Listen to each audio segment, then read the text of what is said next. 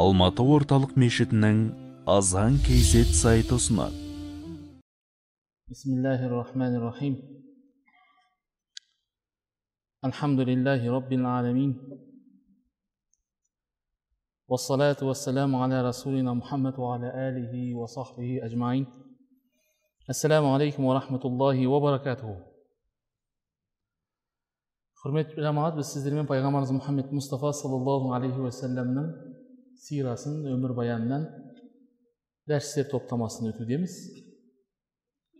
соңғы өткен тақырыбымыз пайғамбар саллаллаху алейхи уассаламның миғра және исра оқиғасы болатын бүгінгі біздің кезекті тақырыбымыз пайғамбар саллаллаху алейхи уассаламның араб руларына өзін өзі ұсынуы және мәдинада ғұмыр кешкен ансарлық сахабалардың мұсылманшылықты қабыл етуі жайында болмақ. Білесіздер пайғамбар саллаллаху алейхи уассалам осы 11 жылғы кезеңде біз қазір пайғамбарлықтың 11 жылында жүрміз. Пайғамбарлықтың 11 жылдық кезеңінде пайғамбарымыз саллаллаху алейхи уассалам өзін қажылыққа келетін араб руларына өзін өзі ұсынатын болған. Әрбір келген ру ол кезде арабтар ру ру болып келетін болған жан жақтан меккеге. Сол меккеге келген әрбір руға пайғамбар саллаллаху алейхи уассалам өзін пайғамбармын деп таныстырып ислам дінін жеткізуге күш салған. Пайғамбарымыз саллаллаху алейхи уассалам бұл келген адамдарға құран оқитын болған.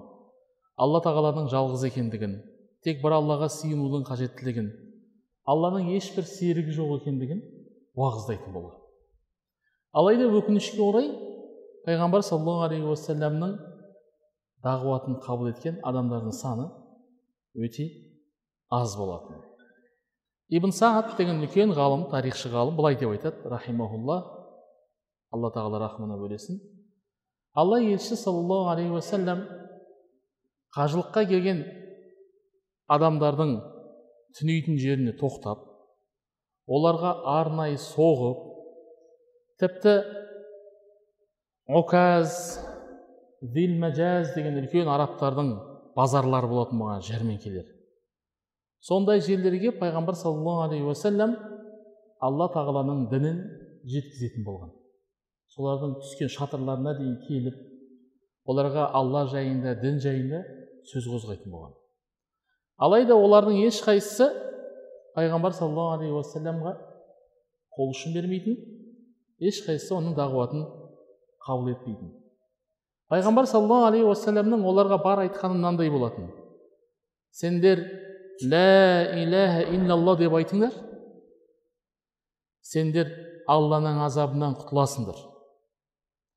Сендер осы сөзді айтсаңдар бүкіл арабты билейсіңдер. Араб еместер де алдарыңа келіп басын ет деп айтатын болған ал егер иман келтірсеңдер сендер жәннатта патшалар секілді ғұмыр кешесіңдер деп дағуат жасайтын болды бірақ пайғамбарымыздың туысы абу ләхаб ерінбей бүкіл ісін тастап пайғамбар саллаллаху алейхи уассаламның артынан жүріп отыратын болған. Пайғамбарымыз айтып кеткен жерге келіп артынан мынаған бағынушы болмаңдар мынаның айтқанын тыңдамаңдар. Бұл кәззап өтірікші. Біздің дінімізден дінімізді тәрк еткен адам деп сөгетін болған ол сөзді естіген соң араб рулары мүлдем қабыл етпейтін болған. Е бұл жақсы нәрсе болатын болса туысқанын қабыл ету керек қой деген сыңай танытатын болған. Ибн исхақ рахимахулла атақты тарихшы имам зухриден алла оны рахымына бөлесін былай дейді. Пайғамбарымыз саллаллаху алейхи уассалам амр ибн саса деген бір руға келді дейді. Сөйтіп оларды алла тағалаға шақырды. Оларға өзін пайғамбармын деп таныстырды. Сол кезде солардың ішінен бір кісі байхара ибн фирас деген бір кісі былай деген уаллахи деген алланың атымен ант етейін егер мен мына баланы құрайыштан алсам сөйтіп бұл баланы өзіме пайдалансам бүкіл арабты билейтін едім бүкіл арабты қолымда ұстар едім кейін пайғамбар саллаллаху алейhi келіп былай деген біз саған бағынсақ сенің дегеніңнен шықпасақ кейін алла тағала саған жеңіс нәсіп етіп қарсы келгендерді жеңіп шықсаң сенен кейін бұл істің билігі бізге өте ме деп сұраған. Пайғамбарымыз жоқ істі билікті бәрі алланың қолында дейді. Алла тағала оны қалаған кісісіне береді дейді. Ана кісі айтқан байхара сонда біз сені қорғаймыз деп сенің мәртебеңді көтереміз деп мына төсімізді төсеп жүрсек осылайша алла тағала саған жәрдем беріп күшейген уақытында билік бізге тимесе бұл іске біз неге кіреміз? дейді сонша басымыз тігіп бәйгеге. Неге түсеміз көрдіңіз ба? Бұндай адамдар да болған. Бұндай ұсыныс жасаған адамдар да болған. Пайғамбарлықтан он бірінші жылы пайғамбарымыз саллаллаху алейхи уассалам жылдағы әдетінше қажылыққа келген адамдарға өзін пайғамбармын деп таныстырды сөйтіп ақаба деген жерге келгенде бұл ақаба деген жер мина мен меккенің ортасында шайтанға тас лақтыратын жер. Қажылыққа барғандар біледі. Алла сіздерге де баруды нәсіп етсін. Көресіздер бұйырса. Мина мен меккенің ортасында бір ақаба деген жер бар сол шайтанға тас лақтырылады сол жерге келгенде пайғамбарымыз саллаллаху алейхи уассалам бір топ кісіні көрген. Бұлар арабтың хазраж деген руынан болған. Арабтың хазраж деген руынан болған. Алла тағала бұларға әуелден хайыр ихсан қалаған. Пайғамбарымыз саллаллаху алейхи уассалам олардың жайынан келіп айтқан сендер кімсіңдер? біз хазра жуының кісісі едік сендер яхудилермен одақ құрғансыңдар ма? деп сұраған пайғамбарымыз.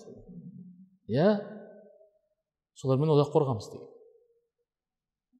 отырсаңдар қайтеді мен сендермен бір сөйлессем деп едім дейді пайғамбарымыз. Олар да отырады пайғамбарымыз саллаллаху алейхи уассалам оларды аллаға шақырады оларға дінді көрсетеді құран кәрім аяттарын оқиды сонымен бұлар олардың олар сол жерде сол пайғамбарымыз саллаллаху айтқан істің барлығын қабыл етеді бұлардың ислам дінін қабылдауына әсер еткен нәрсе бұлар яхудилермен еврейлермен бірге көршілес тұрып жатқан адамдар еді хазрат руының адамдары ал яхудилер тиісінше оларға таурат деген кітап түскен белгілі бір ғылымға ие адамдар болған сөйтіп еврейлермен арасында қандай да бір кикілжің болып қалса немесе шайқас соғыс болып қалатын болса яхудилер былай деп айтады екен осы ақыр заман пайғамбарының келетін уақыты жақындап қалды. Біз соны күтіп жүрміз.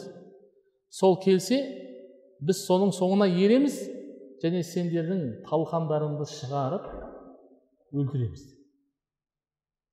Ат деген халық иран деген халық қалай құрып кетсе біз сендерді де солай құртамыз деп доңайбат көрсетеді екен. Пайғамбарымыз саллаллаху алейхи уассалам бұлармен сөйлескеннен кейін дінді танытқаннан кейін бұлар бір біріне қарап айтқан. Еврейлер қорқытып жүрген адам мынау ғой? Яхудилер жөйттер бізді қорқ әні келеді міне келеді деп қорқытып жүрген мына адам ғой ешкім бұған келмей тұрып біз бұған ие болайық деген. Ешкім бұған әлі жетпей тұрғанда біз өзімізден өзгені оздырмайық бұл істе. Сөйтіп бұлар пайғамбар саллаллаху алейхи уассалам ұсынған мұсылманшылықты ислам дінін қабыл еткен. Кейін пайғамбар саллаллаху алейхи уассалам қарап былай деген. Біз ал, бұл бір топ кісіміз деп айтқан бұлар алты кісі болған.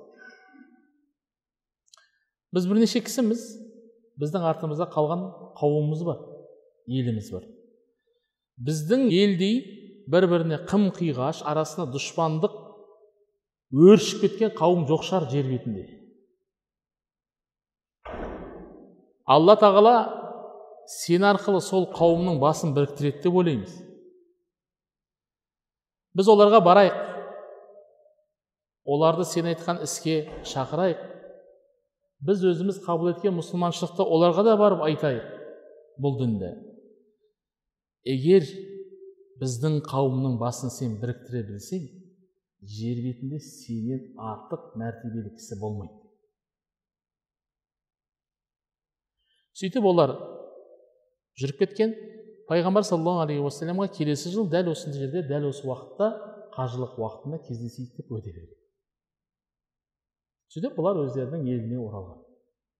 Бұлардың хазраж руының елі ол қазіргі мәдина қаласы.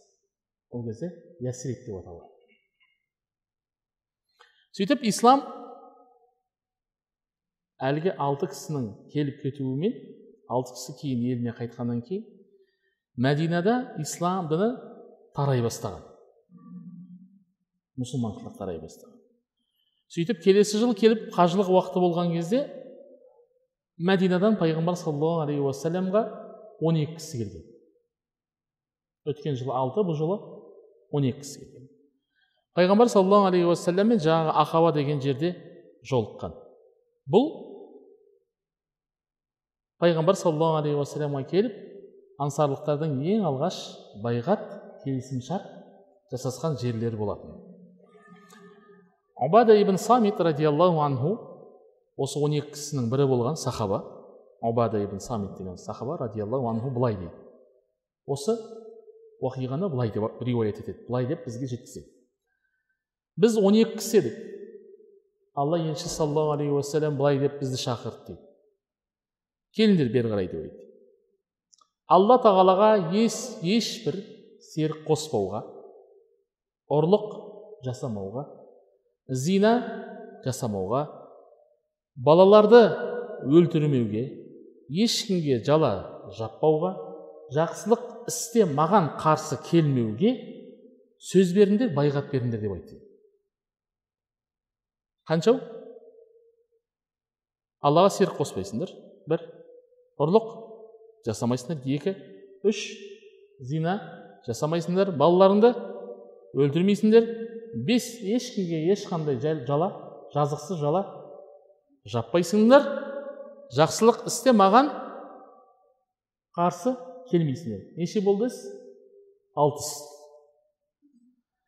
кімде кім уәдесінде тұрса оның сыйын алла береді.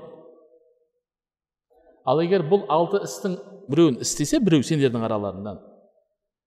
Сөйтіп оның жазасын мына дүниеде тартса ол жасаған ісінің күнәсіне каффарат болады.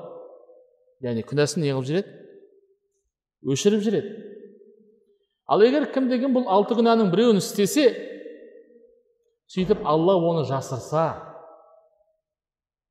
бұл істі алла жасырса оның ісі алла тағаланың еркінде. Алла қаласа оны азаптайды алла тағала қаласа оны кешіреді. Деп ибн самит айтады радиаллаху анху біз осы осындай байғат жасадық пайғамбар саллаллаху алейхи вассаламға осындай уәде бердік.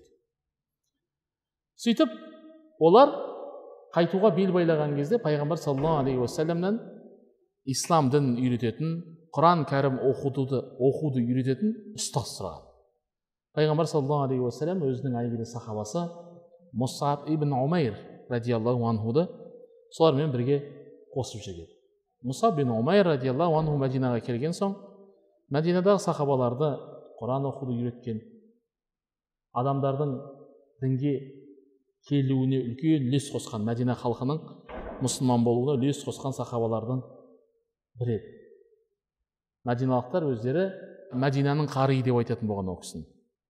Мәдинаның қариы.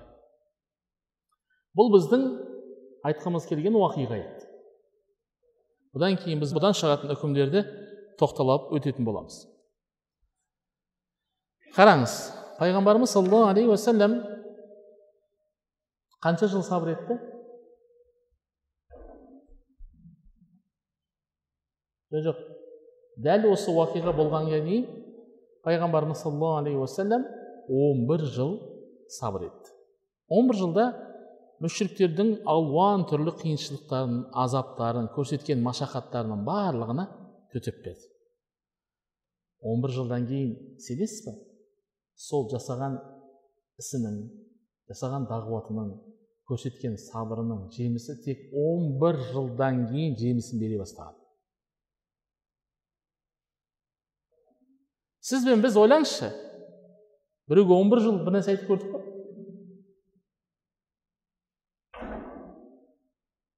біз біреуге бір ай айтпадық айтып көрген жоқпыз біреуге бір нәрсе біреуге бір ай айтсақ үлкен іс көреміз алла тағала өзінің пайғамбарының жасаған дағуатының жасаған исламға шақыруының діннің пайдасын 11 жылдан кейін ғана сәл сәл несін көрсете бастаған. Жемісін көрсете бастаған. Бірінші рет ислами дағуат өзінің қазақша айтқанда бауырын жерден көтерген бірінші рет. Бірінші рет дағуаттың сабағы бірінші рет тіктелген. Жемісті ең алғаш 11 жылдан кейін бере бастаған. Қараңызшы пайғамбар саллаллаху алейхи уассалам 11 жыл бойы меккелік құрайыштарды мүшриктерді шақырудан танбаған алланың дініне. Қажылыққа келген әрбір руға өзін пайғамбармын деп таныстырып ислам дінін жеткізуге тырысқан. Құрайшықтардың көрсеткен арабтардың басқа руларының көрсеткен небір қиыншылықтары оның аллаға деген махаббатын алланың дініне жеткізуге деген табандылығын өзгерте алмаған. Сіз бен біз біреуге барып уағыз айтсақ ол да бір бақыт қалса маған не дейсің деп қол сілтеп не қыласың? Қол сілтеп бір кетесің қазақша айтқанда гүл бол. Болмасаң күл бол маған не дейсің? Деп қолды бір сілтеп кетесің. Саған адам құсап әңгіме айтып отырық қой деп мазаң кетіп бер жағын айтып отырмын мен. Болмаса балағаттап кетесің боқтап аузыңа келгенді айтып енді сені желкемнің шүй, шүйдесі көрмесін сені солай ма? Былай бітісіп кетеміз. Өз ағайынды қой басқа біреуге айтуды қой барлығын қойып кетеміз біз.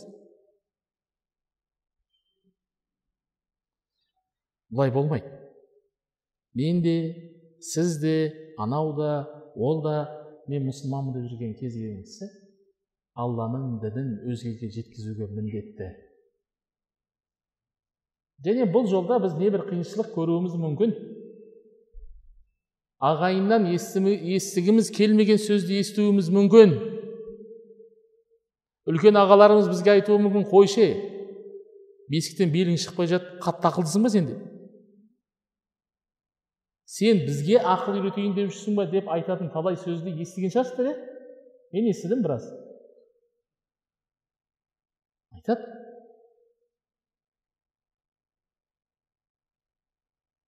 Айтады. Немесе өзінің туысқандарын жөндеп алсай деген әңгімені айта ма? Айтады. Пайғамбарымыздың абу ләхаб деген туысқаны болған өзінің көкесі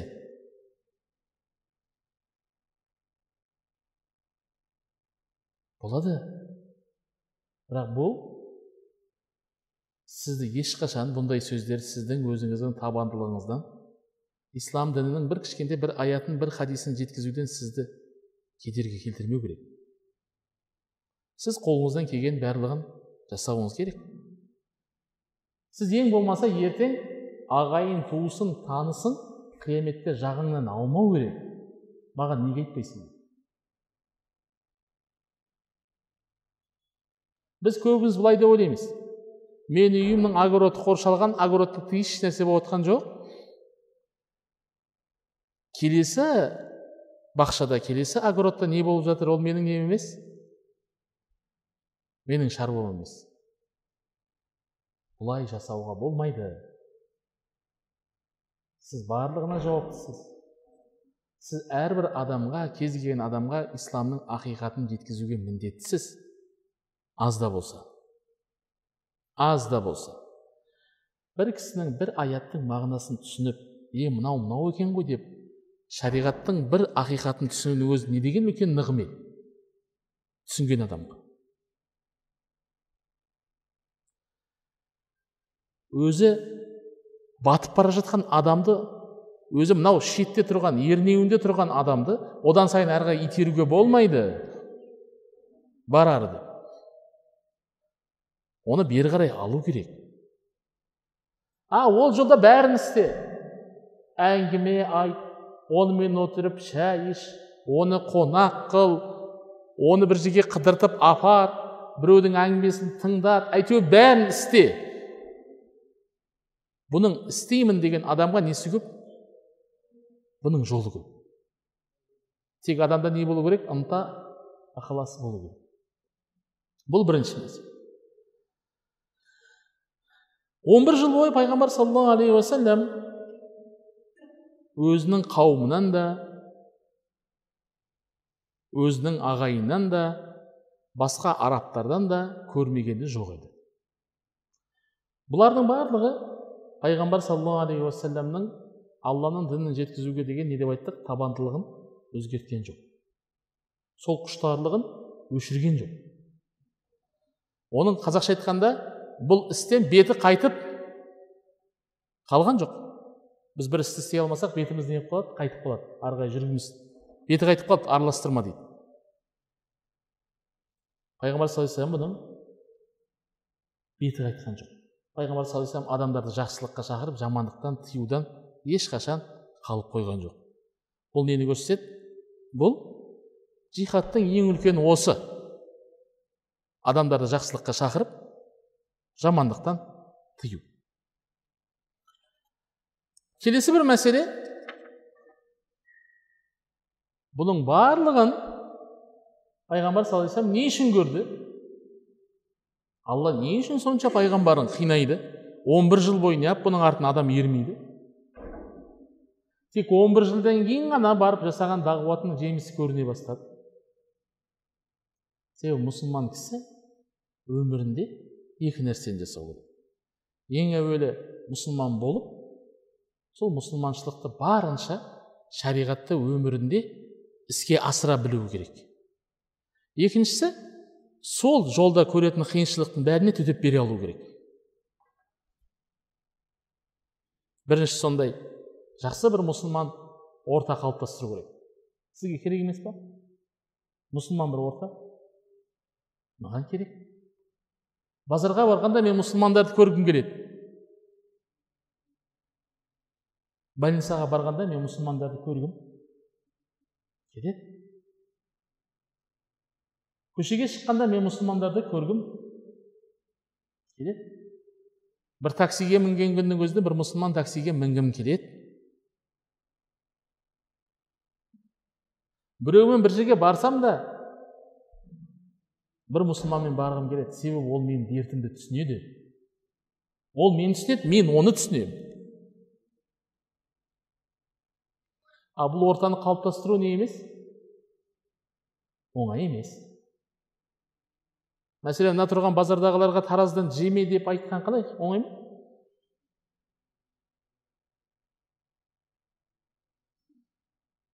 тараздан жай тараз туралы әңгіме айтып тараздан жеме деп айтқан қиын оларға қиын. Жақсы тауардың ішіне жаманын араластырма деп айтсам ұнай ма? Ұнамайды ет сатып алғанда еттің ішіне сүйекті тықпа деп айтсам ұнай ма біреу?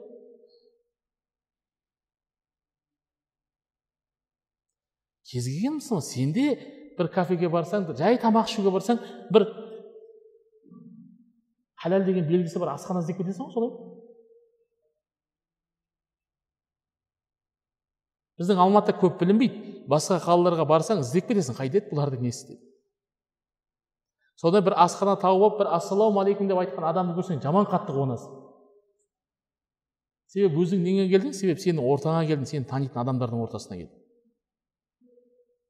мысалы мен мәскеуде болдым мәскеуде адам күлмейді екен сенесің ба ешкім күлімсіремейді бір апта жүрдім содан бір мұсылманда татарлар келіп ассалаумағалейкум деп жаман қуанып кеттім уағалейкумассалам намаз қайда оқиды намаздар қашан кіріп шығады себебі ана жерде күн де жоқ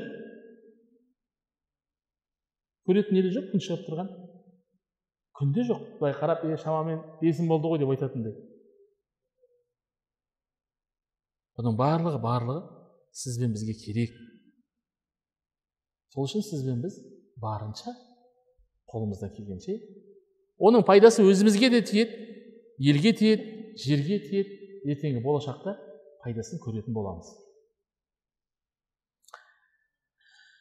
Енді екінші бір мәселе бұл өте үлкен мәселе. Пайғамбар саллаллаху алейхи уассаламға иман келтіріп оған қолдау көрсеткендер кімдер? Жоқ жоқ олар дұрыс қой абу бәкір омар басқа меккеде олардың саны аз болған пайғамбар саллаллаху алейхи уассаламға ұсыныс жасап жүріңіз біздің елге біз сізге қолдау көрсетеміз кімдер ансарлар мәдиналық сахабалар мәдиналықтар енді мынандай заңды бір сұрақ туу керек неге алла тағала дәп осындай қолдау көрсететін адамдар неге меккеден шығармады меккеден 450 шақырым ұзақтықта жатқан мәдина деген қаладан біреулер келіп қолдау көрсетті пайғамбарымыз саллаллаху алейхи вассалам олардың ықыласын көрген соң оларға хижрет етті сол жаққа қоныс аударды меккеден мәдинаға қоныс аударды өзінің туған жерін тастап алланың үйін тастап мәдинаға қоныс тепті неге жауап біреу ғалымдарымыз айтады себебі алла тағала исламның дұшпандарына ешқандай мұсылманның ақидасын сенімін бұзатын ешқандай мүмкіндік қалдырмаған. Себебі меккеліктер емес мәдиналықтар қолдау көрсеткен. Егер меккеліктер қолдау көрсеткенде жұрттар айтатын еді әсіресе батыстан келген мұсылмандардың дұшпандары айтатын еді бұл негізінде бір рулық іс деп. Меккеліктер не істеген мұхаммедті қолдап жоспар жасап осындай жетістікке жеткен деген сөзді ауыздарынан шығармау үшін. Жоқ ондай нәрсе. Бұл мәселесі пайғамбар қолдауды меккеде көрген жоқ. Қайда көрді? Мәдиналықтардан көрді. Себебі сондай сөз айтып жүргендер бар. Бұл дін алланың діні емес. Мұхаммед өзінің руластарымен бірге ойлап тапқан дін деп айтып жүр. Сондай сөз бар. Арабтарды құтқарып қалу үшін осындай керемет бір жоба жасаған. Деген сияқты сандырақты айтып жүргендер бар. Алла тағала бұл сандырақтан алдын алып тастаған. Сандыраққа не жоқ? Ешқандай орын жоқ. Екінші бір мәселе дедік пайғамбар саллаллаху алейхи уассаламның ақаба деген жерде алты кісі кейбір кітаптарда келеді олардың алты кісі болғандығы алты кісі пайғамбар саллаллаху алейхи уассаламға не істеген келіп иман келтірген және олар келген бетте не деп айтқан е мынау яхудилердің айтып жүрген адам мынау деген осы осы осы біз бұған иман келтірейік деп ұмтылған неге десеңіз себебі олар яхудилерден бұл нәрсені еститін яхудилықтардың осы соңғы пайғамбар келсін содан соң сендерге көрсетеміз сендердің алар өшімізді сол кезде аламыз деген сөзіне әбден қанық болған кісілер бұлар пайғамбар саллаллаху алейхи уассаламды көргенде дереу иман келтірген себебі олардың мағлұматы болған мәдинада мүшрик арабтармен бірге кімдер тұрған көшіп келген яхудилер тұрған бұл яхудилер өздері үш рудан тұрған бәну құрайза екіншісі бәну надир үшіншісі бәну қайнуқа деген үш ру болған бәну құрайза бәну надир және бәну қайнуқа бұдан басқа тұратын екі ру болған арабтың біреуі әус екіншісі хазраж бұл екеуі қайла деген әйелдің балалары ағайынды екеу. Бұларды бәну қайла дейді. Қайладан тараған екеу. Біреуі хазраж біреуі әус. Келген сахабалар алғаш иман келтірген сахабалар қай рудан болған деп айттық? Хазраж деген рудан болған. Яхудилер өзінің негізгі функциялары бойынша бұл арабтардың екі руының арасына дұшпандық салған. Негізі екеуі ағайынды кісінің балалары. Әус пен хазраждың арасына от салып арабтарды бір бірін айдап салатын болған бұл екі руды. Сөйтіп бұл екі рудың арасында кикілжің кейде соғысқа ұласып кететін болған. Мәселен әус руы және яхудилер күшті план жасаған жоба. Әус деген ру бану құрайзамен одақтас болған. Хазраж руы бану надир және байну қайнуқағымен одақтас болған. Сөйтіп әркім өзінің одақтасымен бірге қарсы аналарға не жасайтын болған арасында дұшпандық өрши беретін болған. Сол пайғамбарымыз саллаллаху алейхи уассаламның хижретінен бұрын әус пен хажраждың ортасында буас деген үлкен соғыс болған ішінде бірнеше адам өліп кеткен рудың көсемдері рудың ішіндегі беделді кісілердің бәрі осы соғыста қайтыс болған екен бұлар да өздері не қылған айтқан егер сен біздің рудың бастарын біріктіре білсең сенен артық мәртебесі артық кісі болмайды жер бетінде деген себебі бұлар келген кісілер де шаршап кеткен екі рудың арасындағы әңгімеден. Қит етсе жаңағы. Бір біріне шабуыл жасауынан бір бірінің ісін тоқтатудан біріне бірі былайша айтқанда біздің тіл айтқанда подножка қоюдан бірінің ісін бірін жүргізбеуден әбден титықтап шаршаған адамдар. Бұлардың да бір үміті пайғамбар саллаллаху алейхи уассалам арқылы бұлардың басы біріге ме деген үлкен бір үміттері болған. Сөйтіп бұлар пайғамбарымыз саллаллаху алейхи уассаламға келген адам алты адам кейін келген он екі адам пайғамбар саллаллаху алейхи уассаламмен араларында келісім шарт болған бұл келісім шарттар қандай біріншісі аллаға серік қоспау ұрлық жасамау зина жасамау балаларды өлтірмеу біреуге жала жаппау алтыншысы жақсылық істе пайғамбарға қарсы келмеу.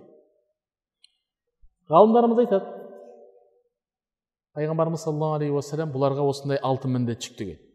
Бұл мынаны көрсетеді. Мұсылманшылық деген тек лә иляха илlalла мұхаммед расулалланы айту ғана емес.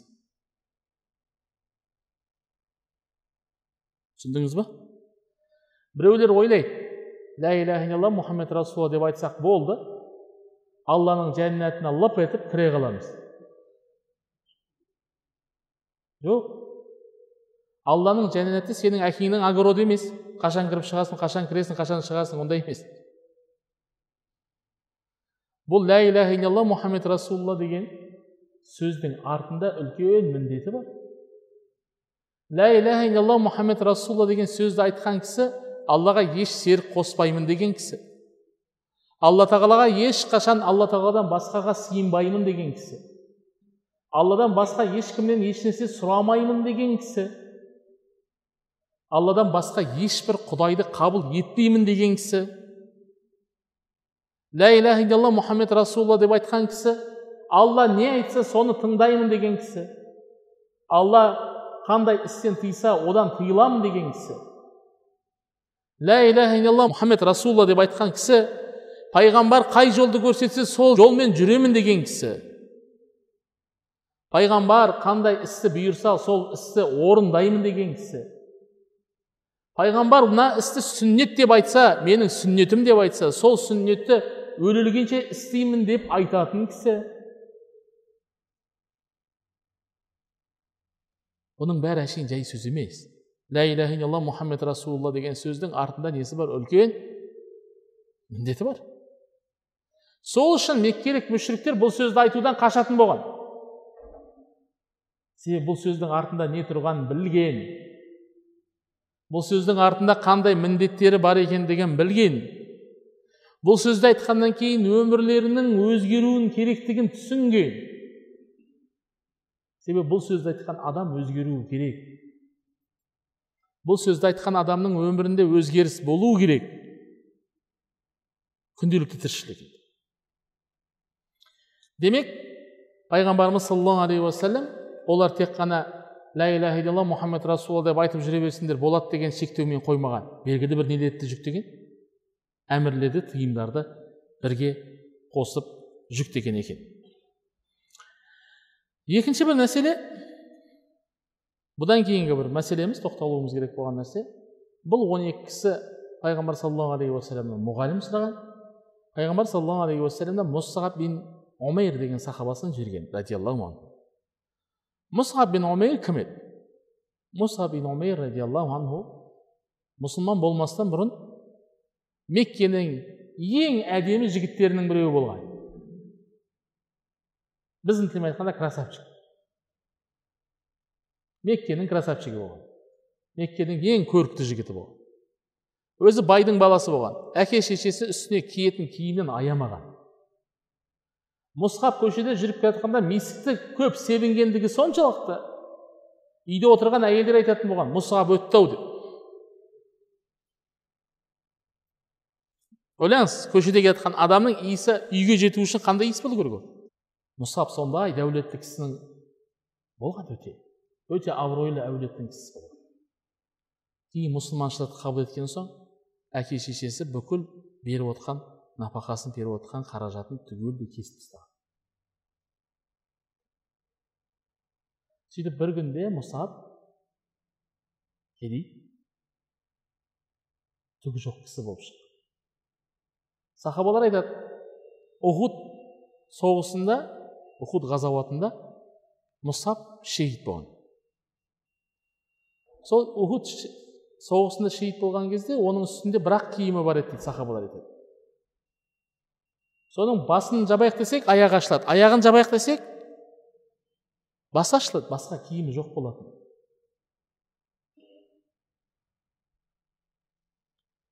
Пайғамбар саллаллаху алейhi айтты дейді аяғына изхар деген бір шөп бар арабтарда біздің жусан секілді. Соны не қыл дейді? Соны аяғына жабыңдар деп айтты. Аяқ жағына соны абдурахман бин ауф айтады радиаллаху анху біз мұсылман болдық алланың нығметін көрдік. Алла жолында бір нәрселер істедік болмашы бір нәрселер жасадық. Бірақ мен мұсаб бин омерді білетін едім. Мұсаб менен жақсы еді. Мұсхабты солай жерледік. Жерлеген. Абдурахман бин ауф бұны үйіне келіп ауыз ашқан кезде дастархан толып тұрған дастарханды көргенде айтқан дастархан үсті не болған? Тола біздің тілше айтқанда құстың үстінен басқаның бәрі болған. Соны көріп айтқан абдурахман бин ауф мұсхаб менен жақсы еді. Мен қорқамын. Алла тағала біздің істеген ісіміздің сыйын осы дүниеде беріп қойды ма? деп. Мұсхаб менен жақсы еді. Мұсхаб бұның бірақ ешқайсысын көрмей дүниеден өтіп кетті дейді мұсаб радиаллаху анху мәдинаға алғаш келген кезде мәдинада ру басылары көсемдері естіген. Біреу келіп жатыр меккеден адамдарды уағыздап жатыр. Адамдардың дінін өзгертейін деп жатыр. Өзгертіп те жатыр. Деген соң біреу қолындағы сүңгі дейді. Сүңгі деген білесіз ба? Найзадан қысқасы былай лақтыратын. Соғыс қаруы. Найзадан не? Найза ұзын болады сүңгі одан сәл қысқа болады лақтыруға ыңғайлы орысша қалай айтылады оны? Копье копье. Ұзын. Ау? Ә, мейлі әйтеуір. Орысшам шамалы менің біреулер түсінбей отқан шығар деп айтып отырмын. Сүңгі найзадан қыс қазір соғыс құралы сол сүңгісін жерге қадап іздеп келген мұсғап мұсғапқа айтқан естуімше сен? біздің дінімізді өзгертіп жатыр екенсің ғой. біздің адамдарды ата бабасының дінінен шығарып жатыр екенсің. сені өлтіруге келдім деген. мұсап айтқан. сен әуелі кел отыр. менің айтқанымды тыңда егер менің айтқанымды қабыл етсең қабыл еттің. қабыл етпесең содан кейін әңгімені жаңағы талқылаймыз жаңағы әңгімені отырғызған ана кісіні. Құран оқыған ислам жайында айтқан. Ана кісі таң қалып айтқан сендер сияқты болу үшін не істеу керек? деген біз сияқты болу үшін әуелі ғұсыл алу керек содан кейін мұсылман болу керек деген кәлима айту керек. Сөйтіп әр кісіге ғұсыл алдырып аузына кәлима айтқызып мұсылман қылған ана сахаба радиаллаху анху көсеп өзінің махалласына кварталына келген соң кіріп бара жатып былай деген. Бүгін мен мұсылман болдым деген. Мұсылман болмағандар менімен амандаспай ақ қойыңдар бұдан былай деген. Мұсғаппен түске дейін кездескен түстен кейін күн батқанға дейін сол кварталдың бәрі мұсылман болған. Түгел бір ру ата бір ата рудың ішінде бір атасы түгел мұсылман болған. Бұл мұсғаптың адамдармен сөйлесе білетіндігінде бұл мынаны көрсетеді пайғамбарымыз саллаллаху алейхи уассалам әрбір іске өзіне лайықты адамын тани білген мысалы мен қазір сізден сұрасам сахабалардың ішінде ең жақсысы кім одан кейін одан кейін одан кейін осы төрт сахабаны неғып біреуін жібермейді мәдинаға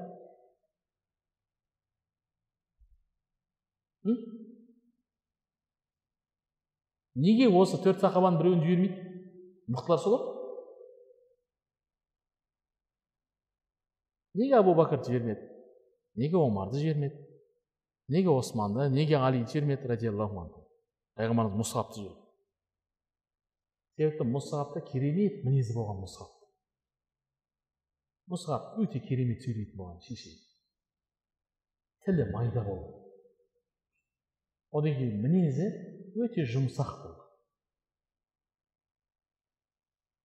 пайғамбарымыз саллаллаху алейhi мұсғаптың бүкіл осы қасиеттерін ескере отырып мәдинаға мұғалім етіп жіберген пайғамбарымыз меккеден мәдинаға хижрет еткенге дейін мұсғап мәдинаны толықтай дайындап қойған мұсылман.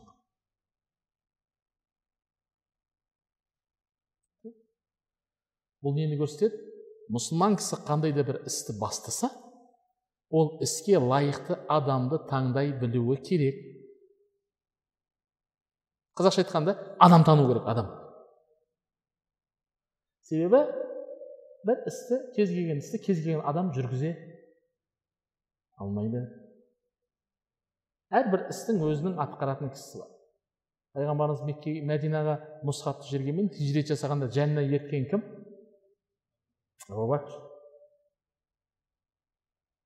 төсекте қалған кім төсегінде жатып? Али бұлардың әрқайсысының өзінің функциясы бар. Пайғамбардан рұқсат сұрап хижрет жасағанда қағбаның жанына келіп айқайлап е мүшриктер мен кетіп бара жатырмын ертең мәдинаға хижрет жасап бара жатырмын. Қатынын жесір баласын жетім қалдырғысы келетін кісілер болса кездесейік ана сайдың басында деп жүрген кім? Омар радиаллаху бұлардың әрқайсысының өзінің атқарған несі бар? Ісі бар. Пайғамбар саллаллаху алейхи уассалам да бұлардың әрбіріне лайықты істі жүктей білген. Бұл өте маңызды. Егер басшы болсаңыз мұсылмандармен жұмыс жасасаңыз қайсының қай істі жасай алатындығын білу керек. Біреулер төзімді болады. Біреулер алғыр болады біреулер өте адал болады бұлардың барлығын електен өткізіп шаруа жүргізе білу керек пайғамбарымыз саллаллаху алейхи уассалам сол үшін мәдинаға мұғалім етіп мұсғаб бин умейр радиаллаху анхуды таңдаған екен бүгінгі дәрісіміз осымен тәмам ربنا آتنا في الدنيا حسنة وفي الآخرة حسنة وقنا عذاب النار ربنا افرغ علينا صبرا وثبت أقدامنا وانصرنا على القوم الكافرين آمين آمين الله